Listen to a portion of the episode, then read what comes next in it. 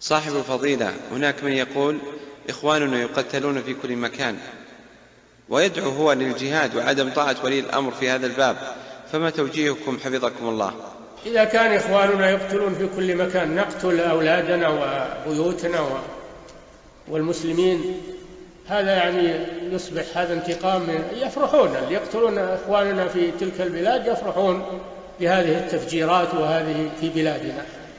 فهل هذا جهاد؟ وهل هذا نكاية بأعدائنا؟ هذا نكاية بنا نحن.